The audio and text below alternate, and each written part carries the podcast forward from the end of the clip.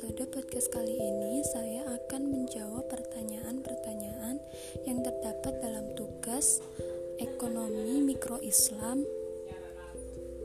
Nah, di podcast kali ini terdapat dua segmen yaitu segmen yang pertama beri, akan membahas evaluasi bab yang pertama dan segmen yang kedua berisi evaluasi bab yang kedua. Langsung saja kita pada soal yang pertama pada evaluasi bab 1. Soal yang pertama, jelaskan tentang nilai-nilai dasar ekonomi Islam. Nah, dalam nilai dalam ekonomi Islam terdapat empat nilai dasar ekonomi Islam yang membedakan ekonomi Islam dengan sistem ekonomi lainnya.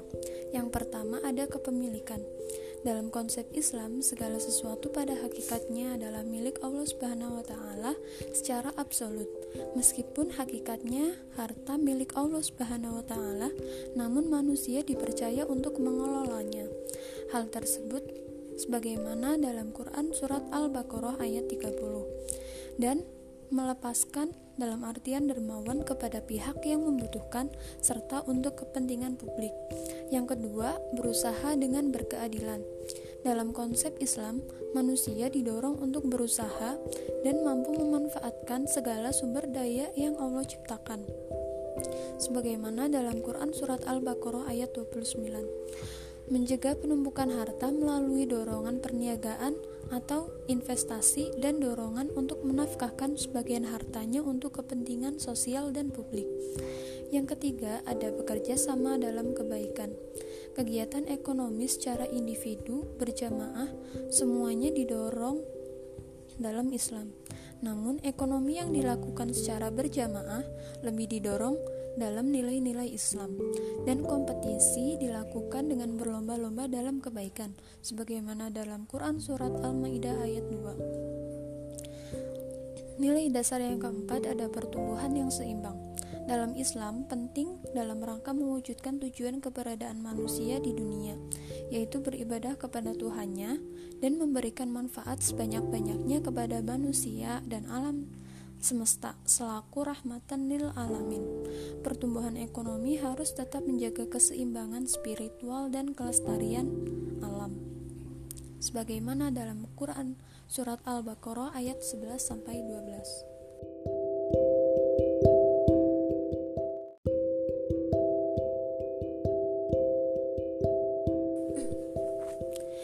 Soal yang kedua, jelaskan apa yang dimaksud falah. Falah adalah terwujudnya kesejahteraan umat manusia secara material dan imaterial, dunia dan akhirat. Al-falah. Untuk mencapai falah, maka kehidupan manusia di dunia ini harus dilindungi dengan menjaga lima kemaslahatan pokok dan inilah yang menjadi makosyid syariah.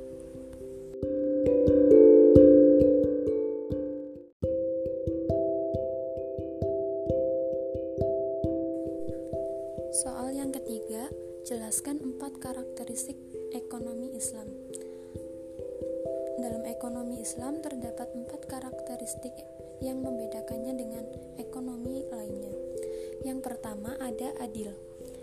Adil menurut Al-Quran dan hadis, adil dimaknai sebagai sesuatu keadaan bahwa terdapat keseimbangan atau proporsional di antara semua penyusun sistem perekonomian, perlakuan terhadap individu secara setara, baik dalam kompensasi, hak hidup layak, dan hak menikmati pembangunan, serta pengalokasian hak, penghargaan, dan keringanan berdasarkan kontribusi yang diberikan.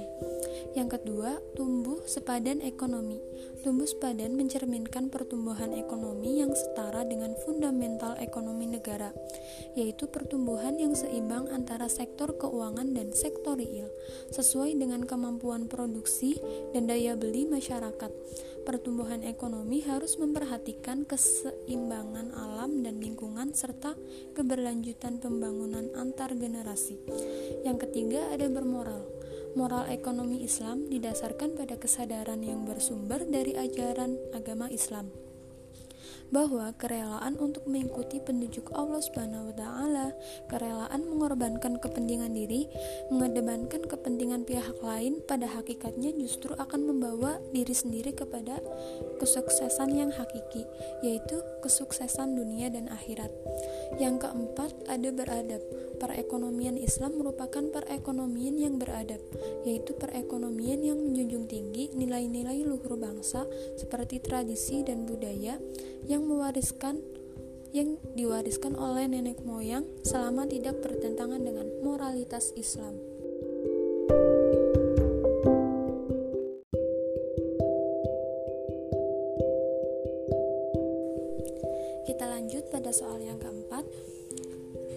Yaitu ekonomi Islam adalah ilmu ekonomi yang mempelajari perilaku ekonomi orang-orang Islam atau negara-negara yang mayoritas berpenduduk muslim.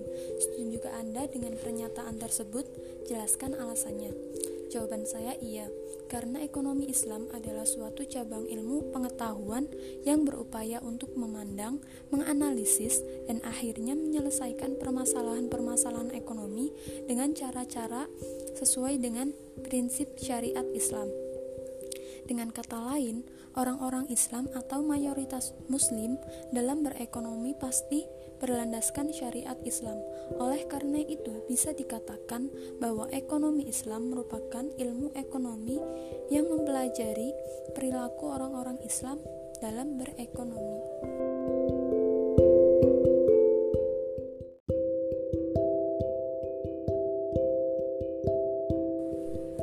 Kita lanjut pada soal yang kelima, mengapa ekonomi Islam belum dipraktikkan oleh seluruh umat Islam. Adakah syarat atau ketentuan mengenai kriteria karakter orang atau pelaku-pelaku ekonomi dalam sistem ekonomi Islam? Jawaban saya, Alasan bahwa ekonomi Islam belum dipraktikkan oleh seluruh umat Islam bisa dipengaruhi oleh beberapa faktor. Salah satunya adalah karena minimnya pengetahuan, kesadaran, dan kurangnya sosialisasi tentang ekonomi Islam di kalangan umum. Sedangkan kriteria dari perilaku sistem ekonomi Islam sendiri ialah kita sebagai pelaku ekonomi Islam mampu mengaplikasikan sistem perekonomian yang adil, tumbuh sepadan, bermoral, bermoral dan beradaban Islam.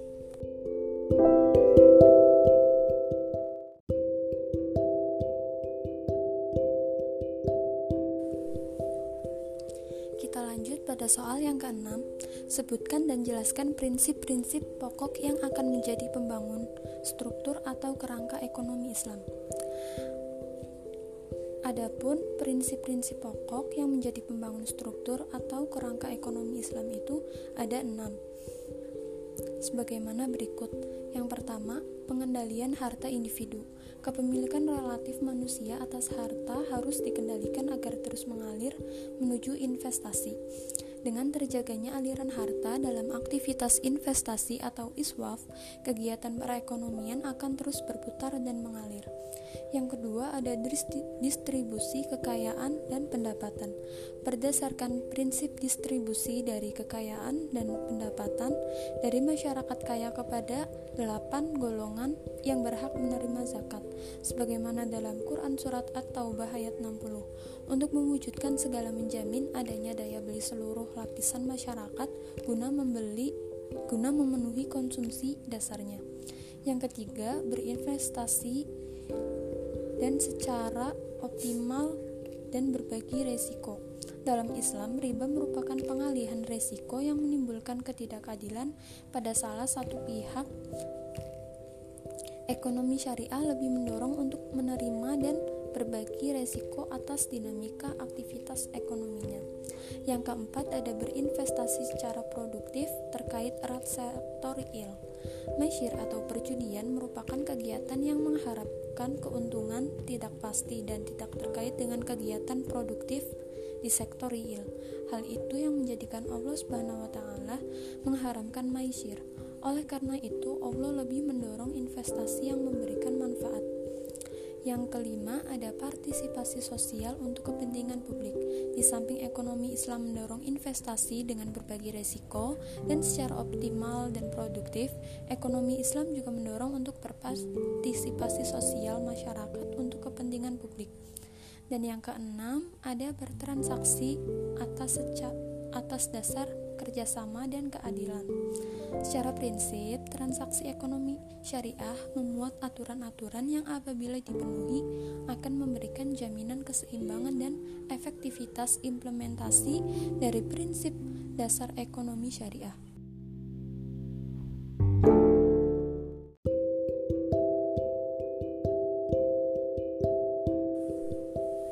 Kita lanjut pada penugasan yang terdapat dalam evaluasi bab pertama. Dalam konteks ekonomi, perekonomian yang diharapkan adalah perekonomian yang adil dan tumbuh sepadan dan berkesinambungan dengan tatanan sosial yang bermoral dan beradab. Coba perhatikan lingkungan sekitar Anda dari keempat hal yang telah disebutkan, kegiatan ekonomi apa yang mencirikan masing-masing jati diri ekonomi Islam. Jelaskan. Nah, dari lingkungan sekitar yang saya amati, kegiatan yang mencirikan jati diri ekonomi Islam ialah perdagangan di pasar. Para pedagang sangat mengedepankan kepentingan bersama dalam berekonomi di pasar, seperti tidak terlalu mematok harga yang di bawah rata-rata pasar agar pembeli membeli dagangannya ke satu orang penjual saja. Hal itu menjadi salah satu yang mencerminkan jati diri ekonomi Islam dari hal dari keempat hal yang telah disebutkan. thank you